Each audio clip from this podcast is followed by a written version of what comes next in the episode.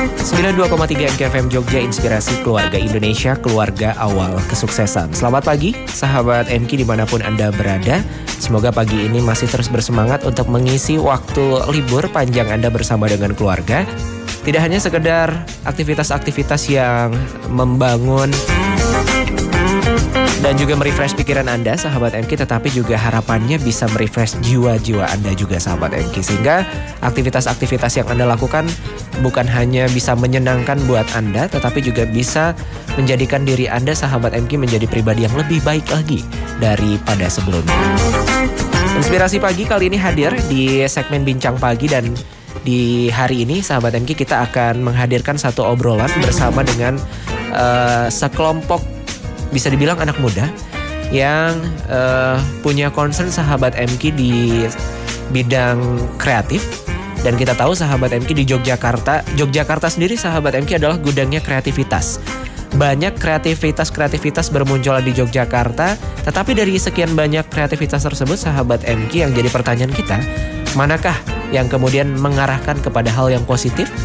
Lebih baik lagi mengajak orang sahabat MQ untuk bisa hijrah menuju kebaikan sahabat MK. Nah salah satunya ini yang kemudian dilakukan oleh teman-teman. Kalau Anda pernah lihat di Youtube sahabat MK, uh, film pendek bertajuk Bicara Cinta. Nah ini adalah kreasi, salah satu kreasi dari teman-teman Under Black yang sudah hadir di studio pagi hari ini. Ada Mas Fuad dan juga Mas Elan. Assalamualaikum warahmatullahi wabarakatuh Mas Fuad, Mas Elan. Waalaikumsalam warahmatullahi wabarakatuh. Alhamdulillah, sehat semuanya? Alhamdulillah. Alhamdulillah. Terima kasih sebelumnya sudah menyempatkan waktunya untuk Eh, bincang-bincang di Radio MKFM Yogyakarta pagi hari ini. Inspirasi yang ingin coba kita hadirkan di pagi hari ini sahabat MK melalui teman-teman dari Under Black ya? Iya, yeah, Under Black. Under Black gitu. Saya pertama lihat namanya itu agak Under Black. Why? Why Under Black begitu ya. Iya, iya. Nah, tapi uh, barangkali bisa cerita sedikit ini. Nanti kita juga akan uh, berbicara tentang dakwah kreatif karena memang dakwah sekarang ini perlu sentuhan ya untuk bisa dilihat orang, diterima masyarakat. Apalagi Indonesia kan masyarakatnya majemuk ya.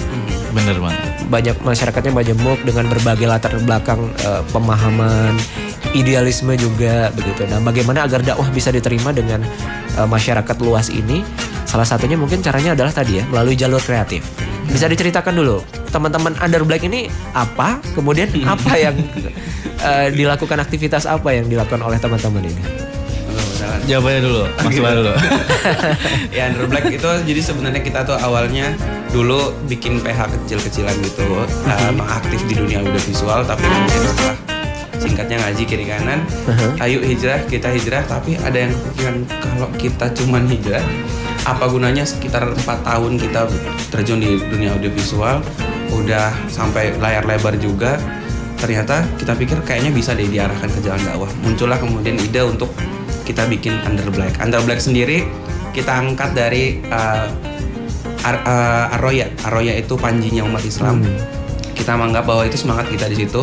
Jadi Under Black itu bahwa kita tuh ada di bawah panji Arroya kayak gitu. Nah, udah akhirnya bikin lah karya pertamanya itu bicara sini. Itulah sahabat ini kenapa namanya Under Black ya. Terjawab iya, sudah sekarang. Terjawab sudah sekarang. Jadi di bawah Panji Aroyan begitu ya. Uh, dan teman-teman Under Black ini memang bergerak di bidang uh, audiovisual ya.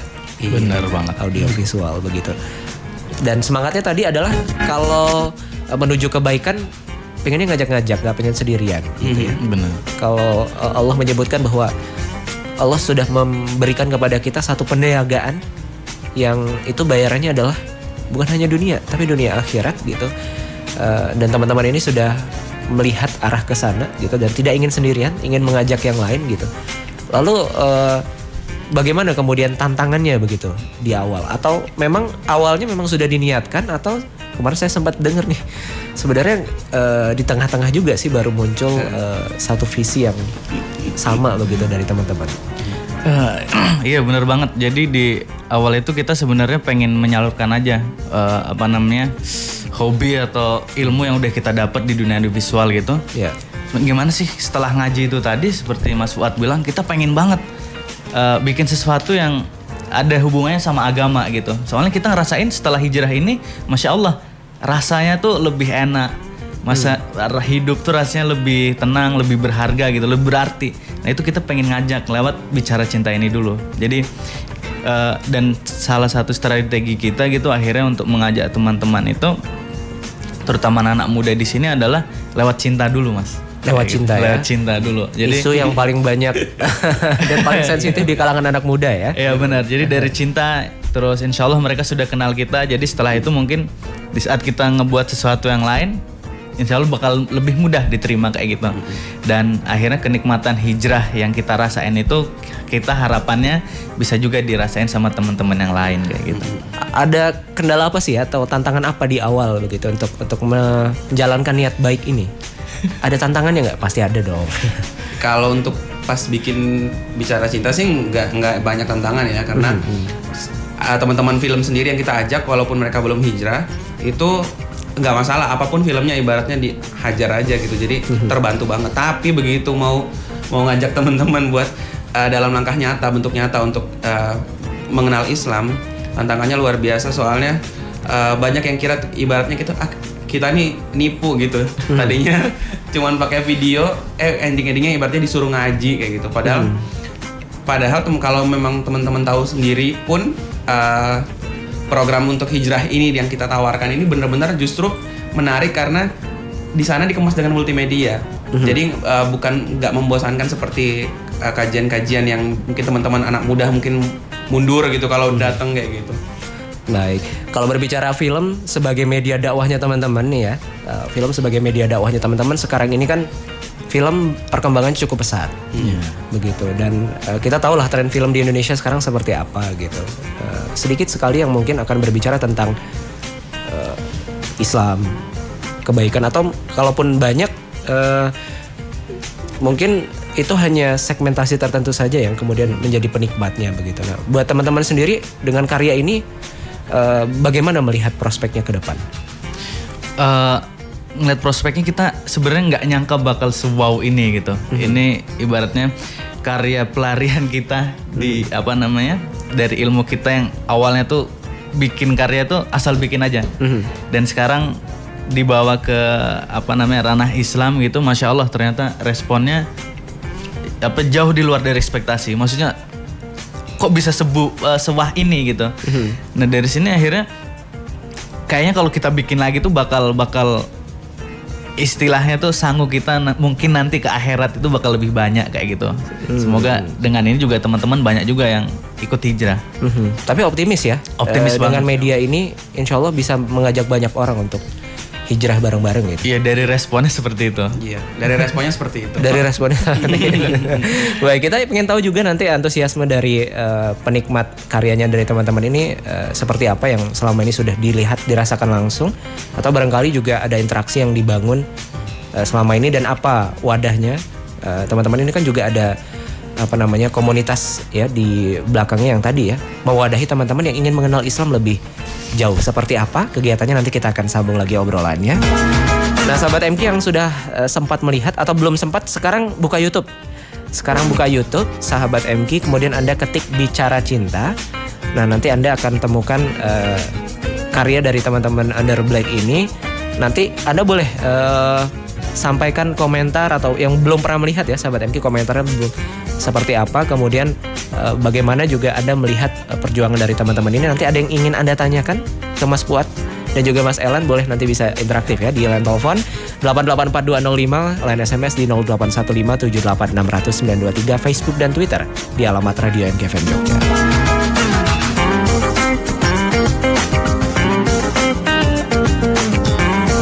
Sahabat MG masih bersama di Bincang Pagi bersama dengan teman-teman eh, Under Black yang juga bergerak sahabat MK di dunia kreatif ya. Salah satunya ada audiovisual, film pendek ya barangkali yang karya pertamanya ya yang yang muncul dari teman-teman Under Black.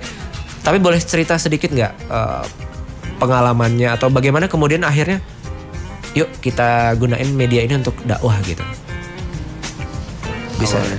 diceritain mungkin dari Mas Fuad atau Mas Elan gitu. Awalnya gimana gitu. Akhirnya bisa punya komit ke sana gitu. Ya awalnya sebenarnya ya tadi itu habis hijrah itu, kemudian kita bikin dia bikin film. Dan itu singkat banget ya, cuma satu minggu ya. Iya. Satu Oh, seminggu? Seminggu sebelum proses produksi. Jadi iseng iseng aja serius iseng. Yuk kita bikin film. Tapi kali ini temanya dakwah.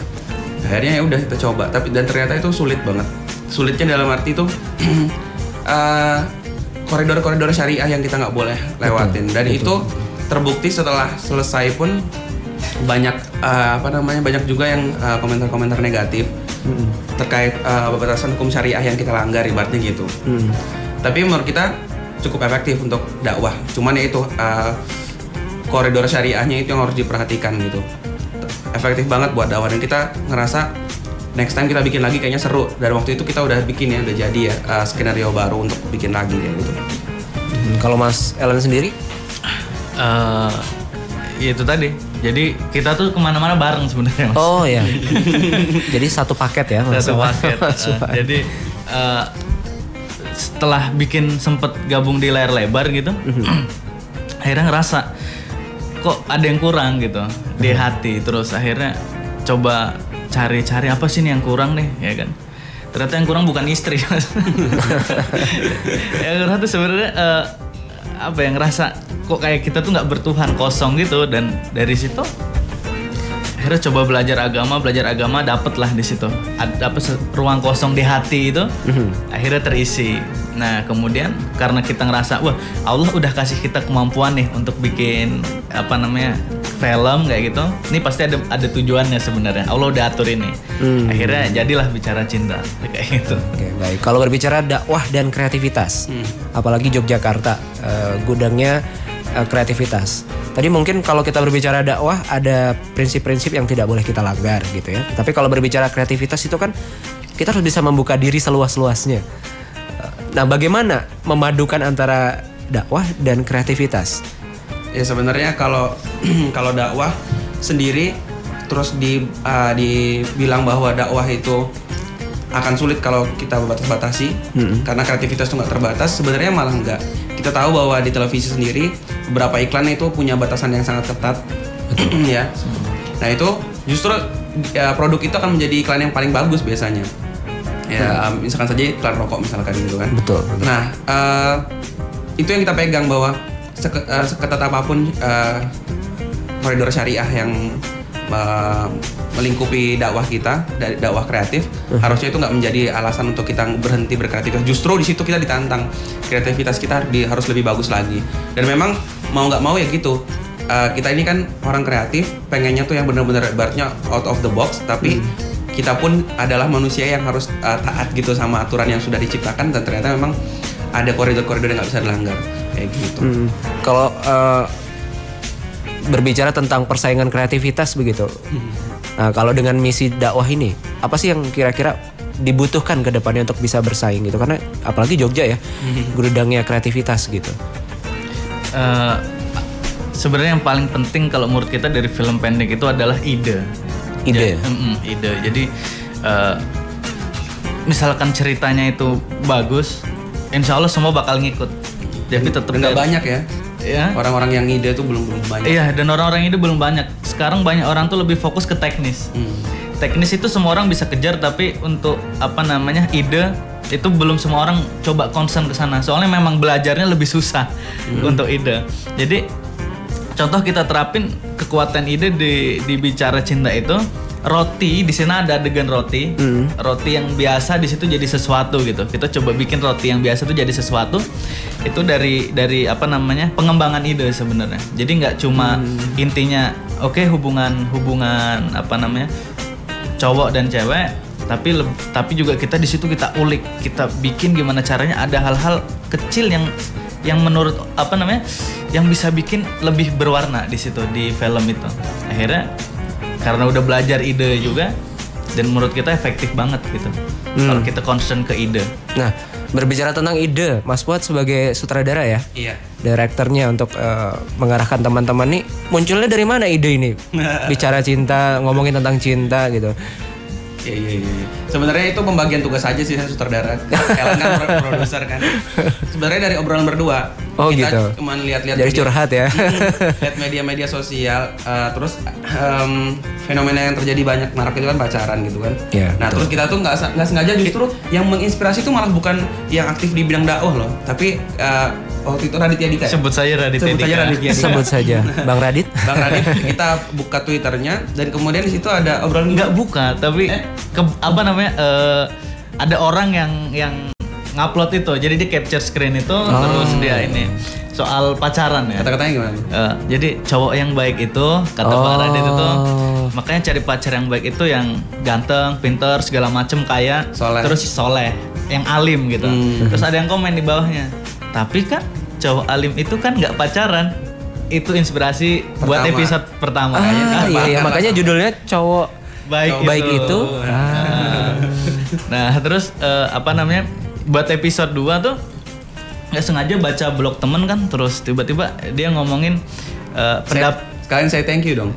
Oh, saya Iya, ya. buat teman kita namanya Elisha. Elisha. Nah, kita Ah. baca blognya dan Ternyata ya tuh menurut kat, apa dia ngomongin soal wanita dari perspektif eh, penemu angka nol. Kalau nggak salah Khawarizmi ya. Khawarizmi. Iya. Nah di situ ce- cewek yang baik tuh kayak gimana sih? Ya itu. Pokoknya kalau dia alim dia punya angka satu. Terus kalau dia cantik segala macam bonus bonusnya nol nolnya di belakangnya.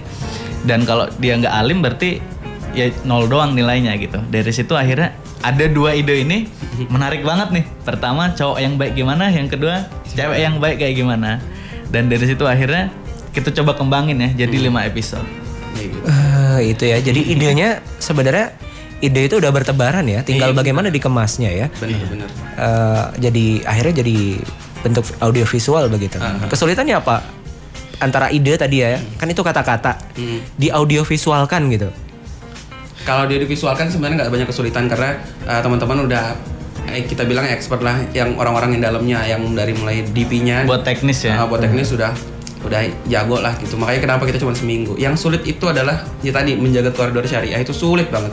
Karena misalkan uh, untuk pemeran yang benar-benar suami istri di episode 5 4 dan 5 itu Ah, betul. itu kita nyarinya susah banget karena harus benar-benar suami istri kayak gitu. Itu Betul. itu Iya, iya. ya tantangan lah kita nggak kayak film biasa kan kita siapa Betul, aja bisa betul, jadi talent gitu. Iya, bahkan kalau kita lihat sekarang eh, dunia perkembangan film Islami gitu kan ya, eh, kadang-kadang yang dikritik juga itunya gitu. Ngomongnya film Islami tapi masih ada pegang-pegangan, Iya, makanya. pelukan di dalamnya gitu. Nah, menjaganya ternyata susah ya. Iya, kalau mau ada adegan begitu ya satu-satu caranya adalah nyari yang beneran udah mahram kayak gitu. Eh, dan itu benar-benar dicari oleh teman-teman ya. Dapat nah, jadi sahabat MK jangan khawatir, ada adegan yang anda lihat di sana, itu insya Allah tidak melanggar batas lah ya. Insya Allah. Iya. Insya Allah sudah bisa dipertanggungjawabkan lah. Insya Allah. Insya Allah. Kalau kalau mau minta tanggung jawab ini, ada dua orang di sini. Silahkan nanti bisa ke sini sahabat MG. Nah yang belum pernah lihat penasaran seperti apa? Silahkan anda sekarang buka YouTube melalui gadget anda sahabat MG. Eh, keywordnya bicara cinta ya. Iya, insya Allah. Nongol. Kalau saya kemarin keywordnya under black gitu yang pertama kali itu. "Ah, apa Fik? Under black gitu. Yang keluar Ada aneh. teman saya nih. yang keluar aneh gitu ya. Bicara cinta ya sahabat MG silakan nanti Anda boleh juga ikut ngobrol-ngobrol bersama dengan Mas Ella Marfu Anda. Kira-kira ke depan eh, apa nih yang eh, Mas Buat dan juga Mas Elan ini mimpikan dari audio visual ini kemudian saya juga pengen tahu tertarik sekali responnya sejauh ini positif negatifnya seperti apa? Kan tadi belum cerita ya respon positif negatif dan bagaimana menyikapinya. Nanti kita akan eh, bahas. Sahabat MK silahkan anda bisa bergabung di line telepon 02748884205 sampai dengan jam 9 eh, pagi nanti ya. Sahabat MK masih panjang perbincangan kita.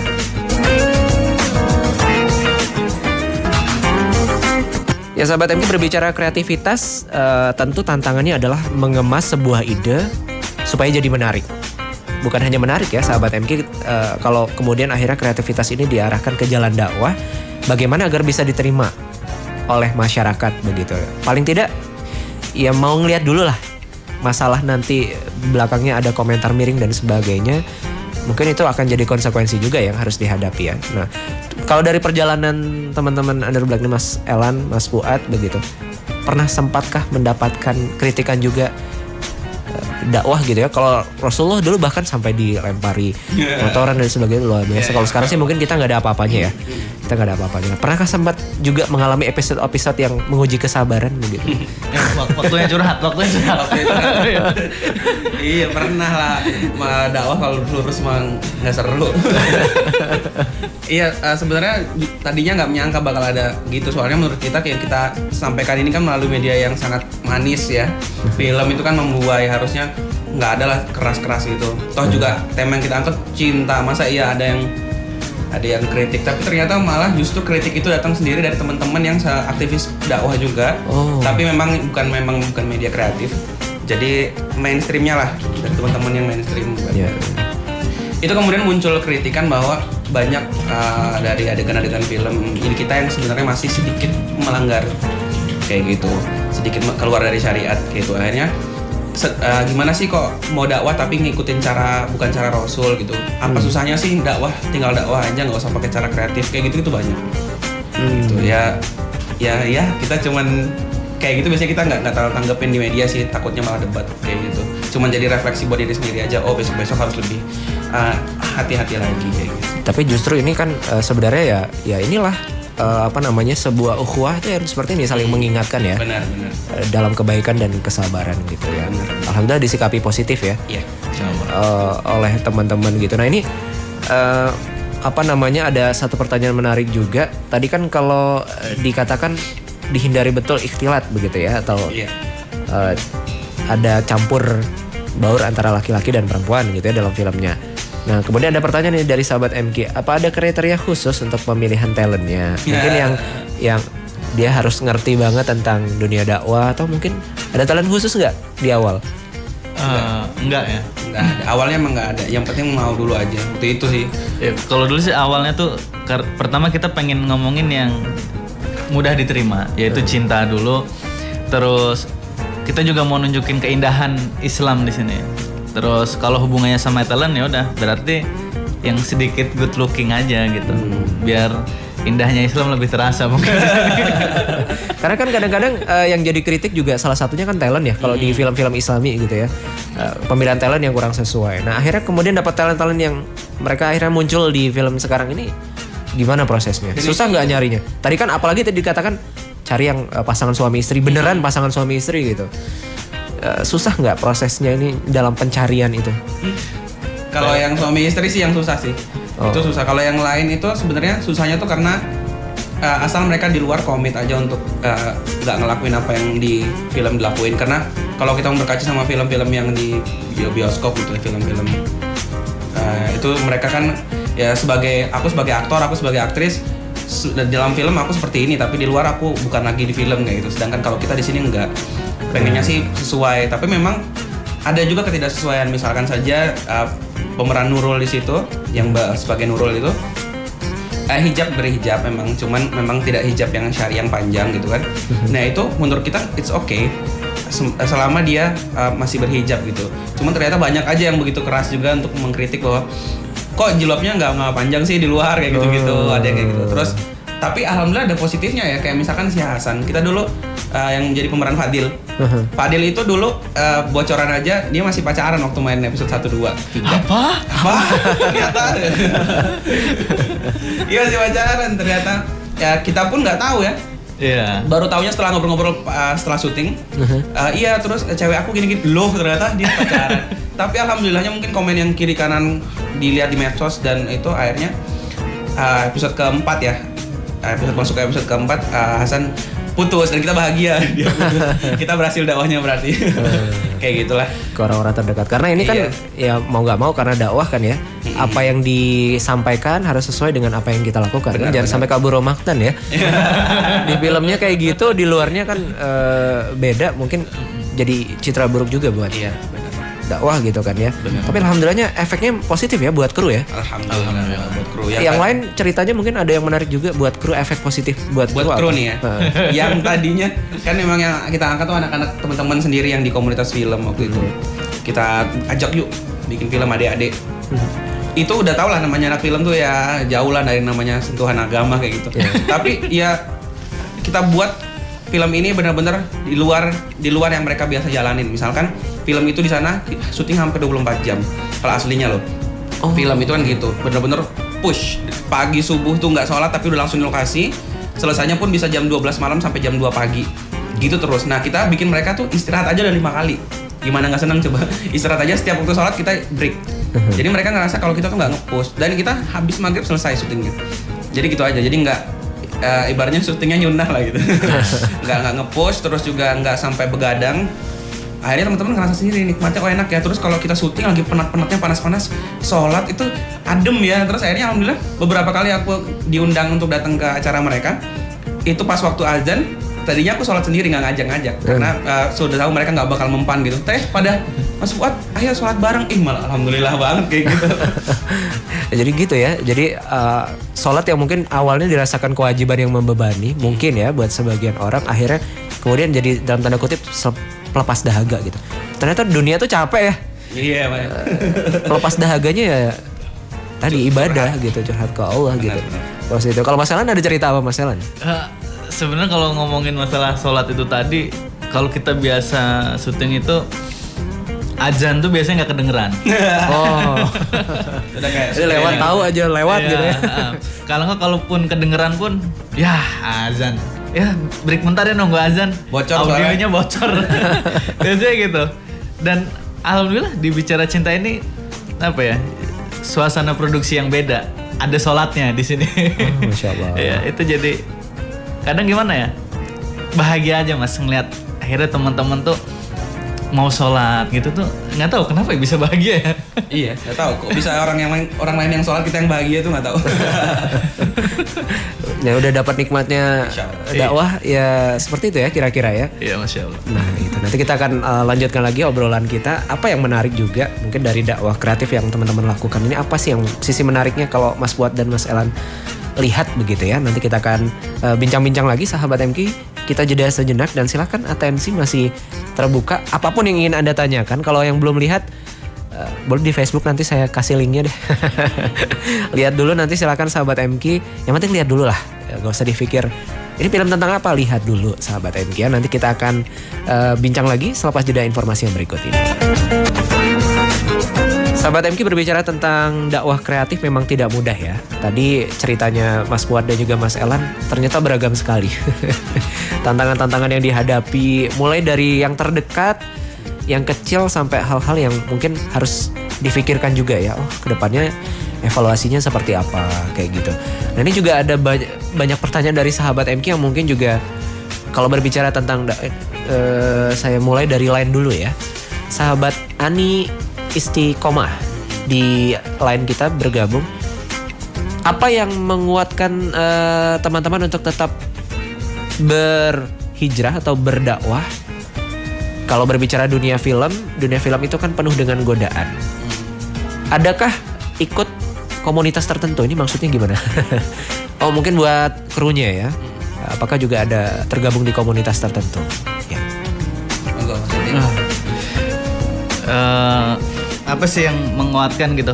Pertama sih sebenarnya setelah belajar agama terus tahu ngapain sih siapa sih yang ciptain kita terus ngapain sih kita disuruh apa sih kita hidup di dunia ini terus bakal ke mana kita setelah setelah nanti meninggal gitu akhirnya jawabannya Allah gitu jadi setelah ngerasa oh ternyata hidup ini tuh kita diciptain itu sama Allah dan Allah juga punya apa namanya punya perintah buat kita jadi setelah tahu itu ya apa yang Allah suka apa yang Allah mau ya itu yang harus dilakuin sebenarnya akhirnya Amin awatokna ya. Samina wa ta'na setelah itu. Jadi udah ya dari dari situ dari pemahaman itu akhirnya misalkan banyak godaan ya berarti ya harus ditinggalkan kayak gitu. Akhirnya kan Mental. hijrah juga. Akhirnya eh, enak aja meninggalkan sesuatu yang sebenarnya udah kita coba bangun selama lima tahun gitu di dunia audiovisual untuk pindah ke eh, dunia audiovisual syari yang baru gitu gampang aja. Dan pada prosesnya memang hijrah itu nggak ini sendiri itu susah banget mas waktu itu. Jadi hijrah di lingkungan yang yang masih sama seperti yang dulu tuh memang susah banget. Sebenarnya bukan berarti kita harus memusuhinya tapi menurut saya untuk hijrah itu kita harus punya sebuah lingkungan yang berisi kawan-kawan yang di situ bisa dibilang apa ya lingkungan orang soleh ya bisa dibilang gitu. Kalau enggak lingkungan orang-orang yang mau berubah kayak gitu. Ya. Nah, dan dari situ akhirnya kita karena kita bareng terus akhirnya kita juga nemuinnya bareng juga ya. Akhirnya kita gabung di apa? Pas. Pastabikul Khairat komunitas hijrah di situ. Akhirnya karena kita masih baru juga ternyata yang menarik di Festival Khairat ini adalah kita nggak harus jadi alim dulu untuk ada di sini, untuk diterima di sini, tapi asal kita punya niat mau berubah, insya Allah kita bakal saling mengingatkan dan dan hijrah tuh rasanya jadi lebih enak karena nggak sendiri. Hmm, jadi itu tipsnya ya, berkumpul atau tetap uh, bersama dengan orang-orang soleh. Iya, Jadi di luar walau meskipun keadaannya gimana, tapi karena kumpulannya orang-orang soleh, insya Allah begitu. Jadi tetap terjaga. Ini salah satunya melalui tadi sudah terjawab ya, fest ataupun juga Fastabikul Khairat Community. Nah, kalau Mas Fuad sendiri gimana? Ini kan kalau syuting gitu ya, tadi ya gambarnya kan 24 jam gitu. Boro-boro baca Quran, boro-boro apa namanya ikut pengajian. Mungkin kita udah disibukkan dengan aktivitas itu. Gimana cara menjaga dirinya? Iya makanya kita tinggalin ya, kita tinggalin apa namanya dunia itu kita tinggalin. Kita memang juga masih bikin film, tapi kita bareng di bareng orang-orang yang soleh dan ada kok orang-orang yang uh, concern di agama, tapi juga bikin film, bikin audiovisual, karya-karya audiovisual. Dan di situ beda banget ininya, lingkungannya beda. Di situ kita nggak akan namanya nemuin syuting 24 jam dan ninggalin yang lain-lain. Justru syuting itu dianggap sebagai dakwah jadi kita niatnya udah beda, udah udah semakin semangat gitu. Dan di situ ada orang-orang yang selalu ngingatin, sholat tuh nggak mungkin ketinggalan karena memang uh, production manajernya sendiri pun bahkan bak- bakal ngekat kalau kita uh, sudah azan kayak gitu. Jadi komun apa di kalau bersama orang-orang yang baik itu insya Allah bakal terjaga kayak gitu. Itu sih. Baik.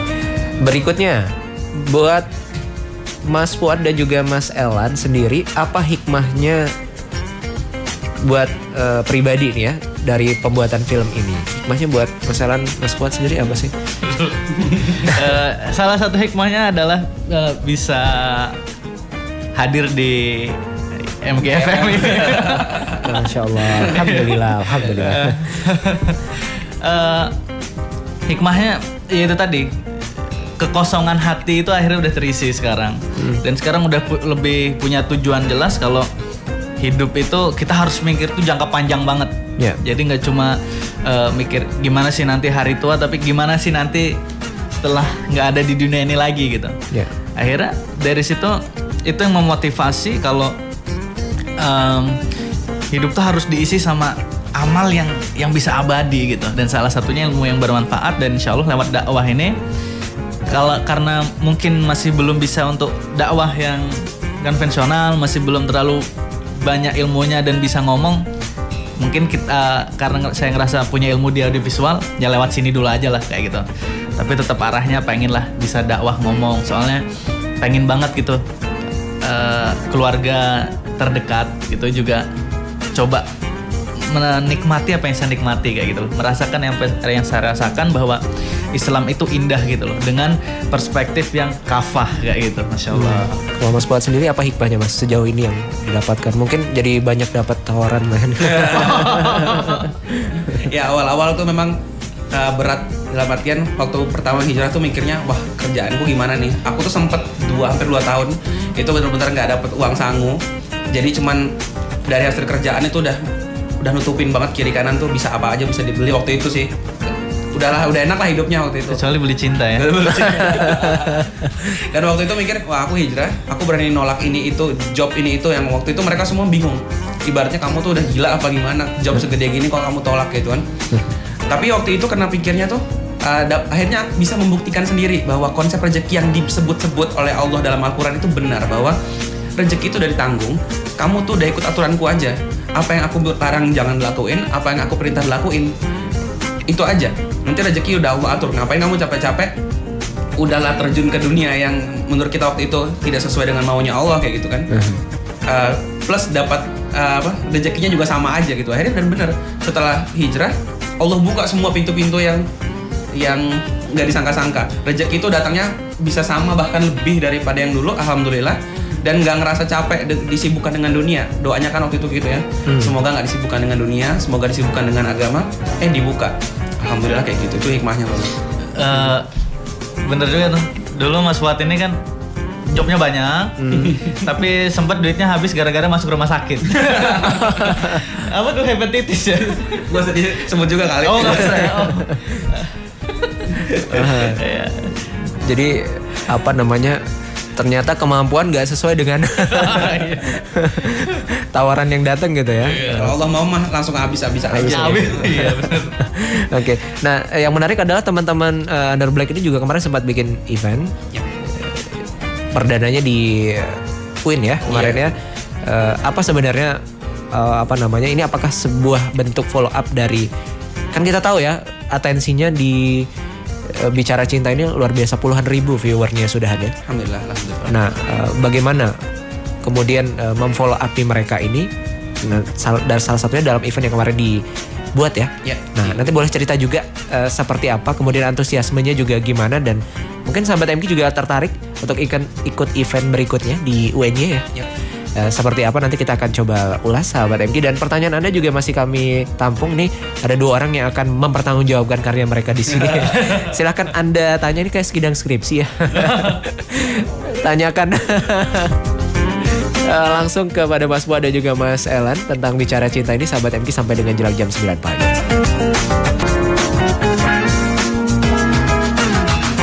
Sahabat MK inti dari dakwah sebenarnya adalah bagaimana mengajak sebanyak-banyaknya saudara-saudara kita untuk menuju ke jalan kebaikan, menuju kepada jalannya Allah begitu.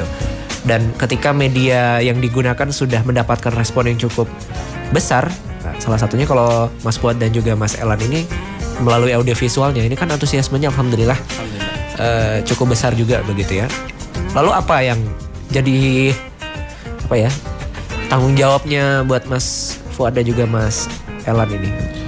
Iya jadi uh, awalnya kita memang merasa bahwa dakwah kreatif ini cukup waktu itu gitu.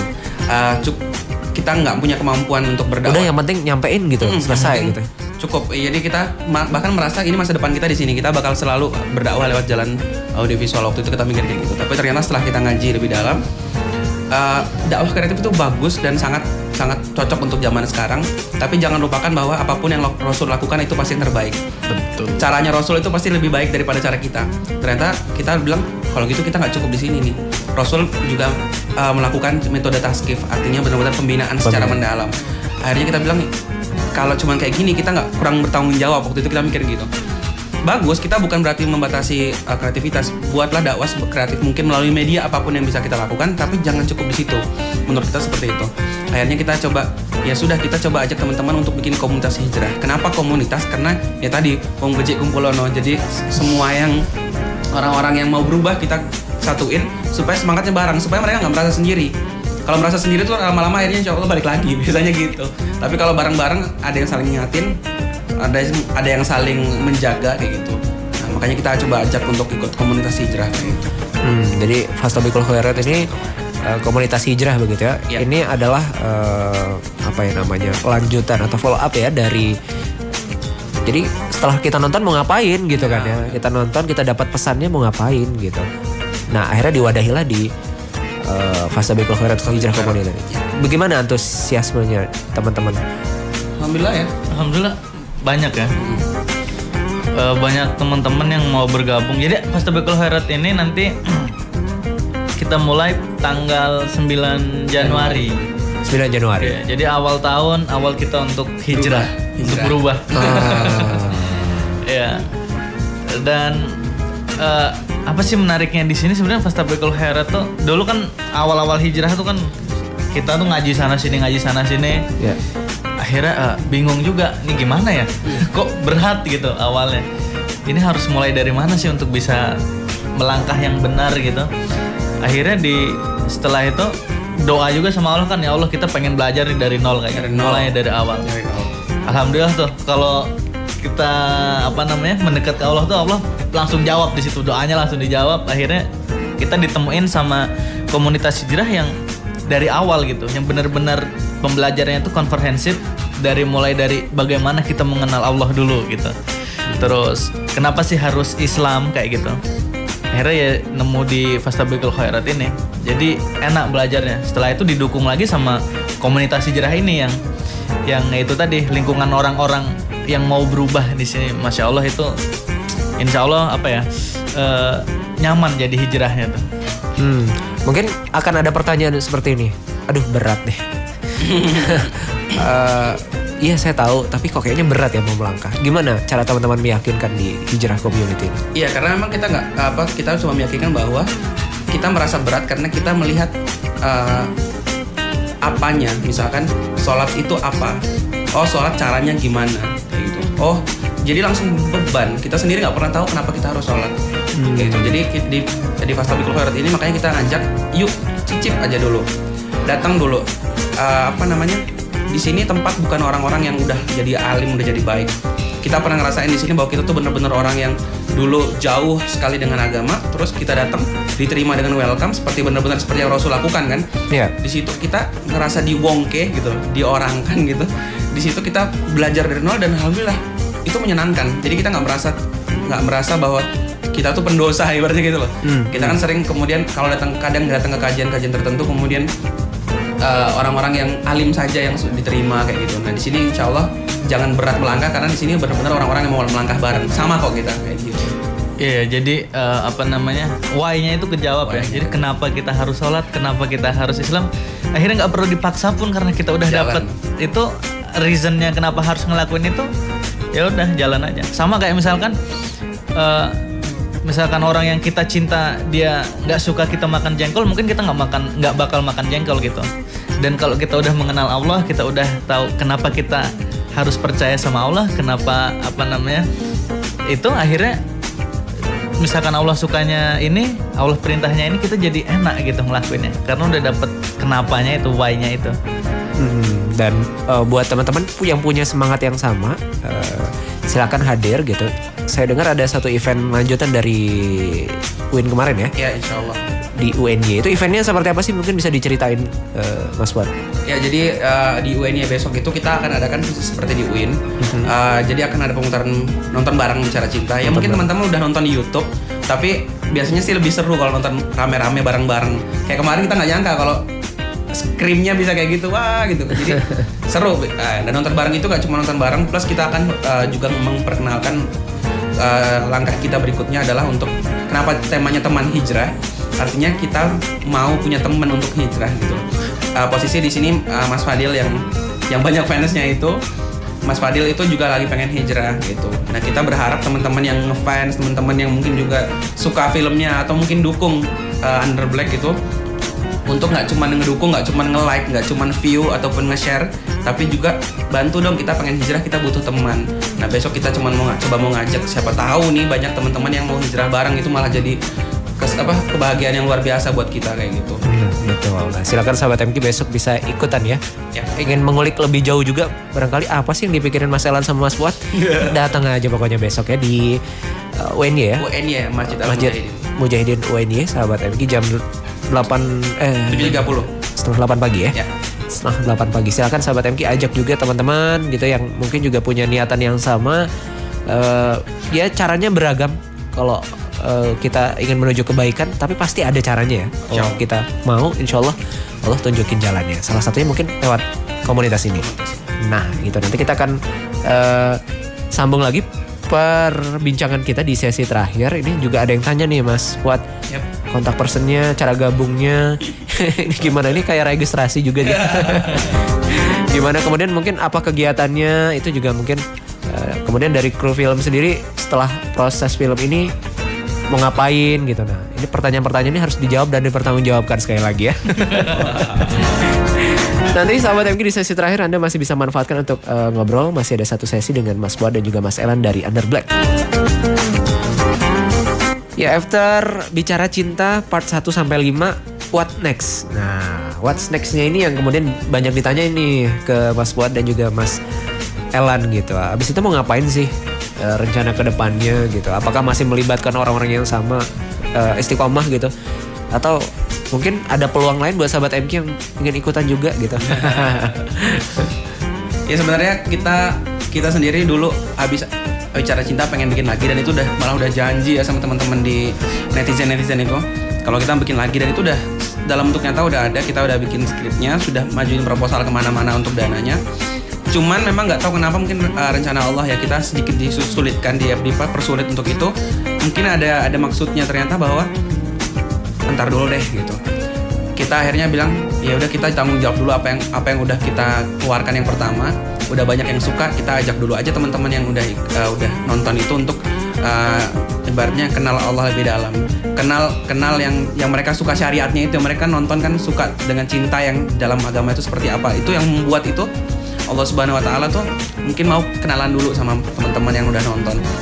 Kita pengen ajak dulu uh, next time kalau mau pada mau gabung mau kan banyak sebenarnya yang udah uh, kontak gitu kan. Hmm. Ada yang mau nyumbang lagu, ada yang mau jadi scriptwriter, ada yang mau jadi kameramen, ada yang mau jadi talent. Hmm. Uh, yang mau jadi donatur boleh juga ya? Boleh, boleh. Uh, sponsor nih sahabat yang dibuka peluang kerjasama kemitraan. bahkan dari Korea ada ya? Iya, dari bahkan dari Korea Selatan ada. Oh, uh, jadi dia nonton lewat YouTube. Nah, kita seneng aja udah di seperti itu tapi kita berharap bahwa teman-teman nanti mungkin se, di apa di teman-teman yang hijrah ini di komunitas ini nah kalau udah hijrah udah udah ngaji bareng, udah ibaratnya udah belajar agama bareng, ya udah ntar mau ngapain bisa gitu. Kita mau bikin film, ayo. Kita mau ini. Jadi daripada saya, uh, kita oprek, open recruit, uh, open recruitment untuk dapat kru baru atau ada yang mau jadi talent nggak nih kita open casting gitu, mendingan ya udah kita hijrah bareng. Nanti abis itu mau punya ide gila mau bikin film apa yang islami yang gimana yang da yang film dakwah kayak gimana kita bisa realisasikan kayak gitu. Nah, ini kan buat orang-orang yang kemudian dikumpulkan Allah melalui bicara cinta gitu ya. Uh, wadahnya kan hijrah community ini juga ada yang tanya nih kegiatannya apa kemudian kalau mau gabung uh, di komunitas Fastabikul Khairat gimana apa syaratnya kontak personnya dan sebagainya panjang. Itu teknisnya pokoknya teknis lah. Syaratnya niat. Syaratnya niat cukup. Niat. serius. Ya soalnya banyak yang mengeluhkan masalah dana masalah waktu masalah banyak macam-macam. Kita bilang niat aja. Kalau uh, niatnya ada insya Allah kita bantu apa pun kesulitannya. Mau masalah waktu kita bisa atur masalah ini kita bisa atur itu dan kalau udah nggak niat udah susah. Tuh. Apa yang kita lakuin? Yang pertama kita bakal ada training uh, tujuh kali pertemuan tapi dimulai dengan empat dulu nyicip empat dulu uh-huh. itu dari mulai awal dari mulai mengenal tentang kehidupan sampai finding God juga ada uh-huh. kita nyari Allah nyari Tuhan itu bener ke Allah gitu loh. Kalau udah dapet kan udah enteng. Jadi ingat Nabi Ibrahim nih. iya dan dan makanya nempel dan itu yang dilakukan para sahabat dulu mengenal Allah tuh dalam benar-benar uh, nyata gitu makanya mereka uh, bisa sekuat itu akidahnya kan ahlaknya bisa bagus bagus itu karena Allah itu benar-benar mereka bisa buktikan secara nyata. Kemudian kita teruskan dengan maunya Allah itu apa nyiptain manusia dan lain-lain. Sampai training tujuh kali itu barulah kemudian step berikutnya adalah hijrah. Dan itu nggak semua yang besok ikut training itu bakal hijrah karena kita yakin pasti ada yang mundur ada yang nggak kuat apa ibaratnya nggak bisa menerima apa yang disampaikan gitu kan. Dan teman-teman yang sudah merasa bahwa oh ternyata saya merasa nyaman nih dengan konsep konsep Islam gitu kan kita fasilitasi untuk hijrah gitu nah di hijrah sini baru itu waktunya nggak ditentukan kalau yang yang pertama ini kan ditentukan ya masalahnya hmm. setiap hari apa masalah setiap hari Sabtu Sabtu dari jam 8 sampai duhur. Iya. Mulainya 9 Januari. 9 Januari. 9 Januari. Selama 7 kali ya. Hmm. Nah, tapi kalau untuk yang hijrah nggak ditentukan. Kan beda-beda setiap orang. Iya. Nah, ini kita benar-benar bantu saling membantu di dalamnya. Ada yang misalkan mau keluar dari riba tapi kemudian sulit karena banyak yang masalahnya. Kita bantu. Kita nggak cuma bilang riba ini haram, ini tuh haram, tapi kita benar-benar bareng-bareng kita bantu. Dan itu masalahnya beda-beda tiap orang. Jadi masanya nggak ditentukan. Bisa setahun, bisa dua tahun, nanti baru next stepnya adalah dakwah gitu. yang pasti bareng-bareng ya dan pasti bareng yang pasti bareng-bareng gitu dan uh, besok eventnya kalau mau tahu uh, hijrah community apa kegiatannya apa langsung datang aja di Masjid Mujahidin ya. tanggal 29 ya? Ya hari Selasa.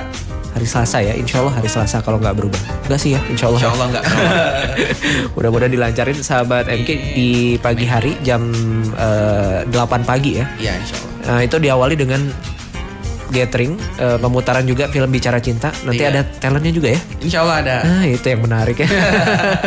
Sutradaranya juga ada sutradara. oh iya. Kayaknya nggak ada yang tanya sutradaranya deh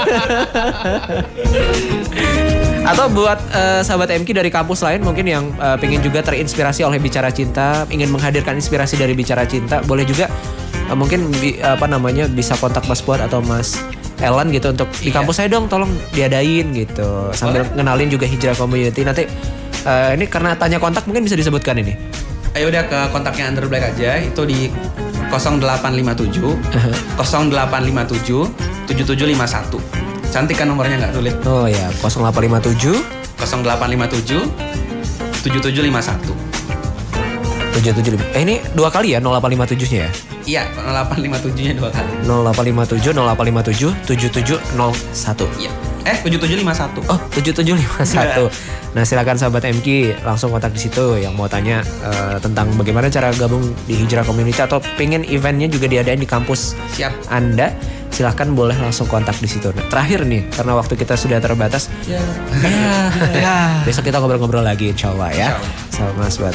Buat mereka-mereka yang terinspirasi dari Bicara Cinta, apa pesan Mas Buat dan juga Mas Ella yang terinspirasi dari Bicara Cinta?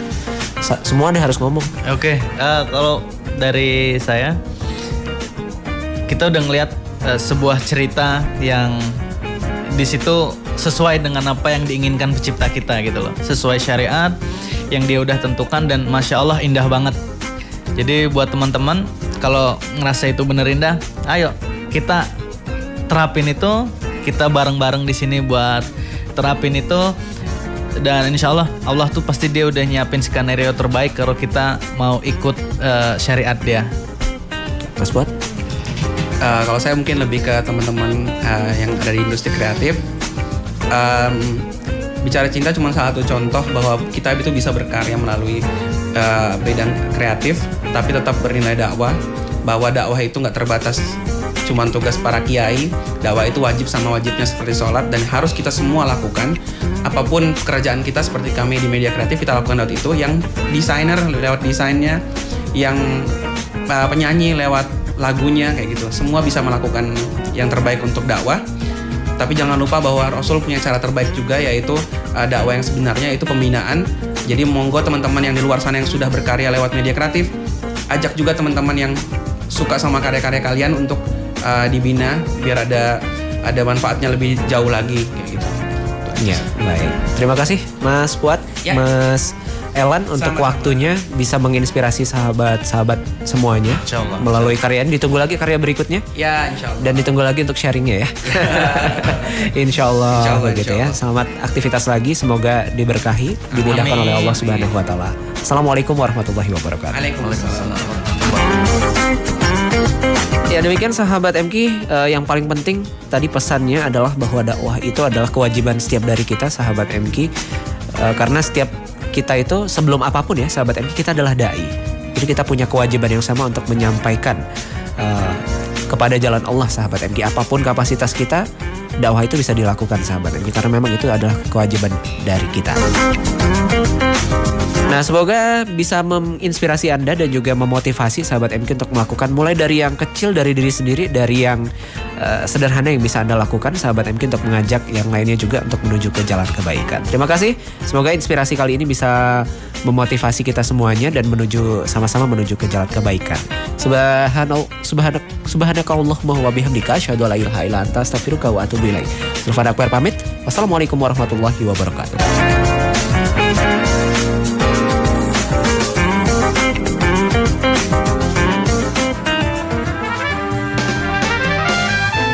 Saja Anda ikuti ragam inspirasi, informasi, dan topik-topik terhangat seputar Yogyakarta dalam sajian Inspirasi Pagi.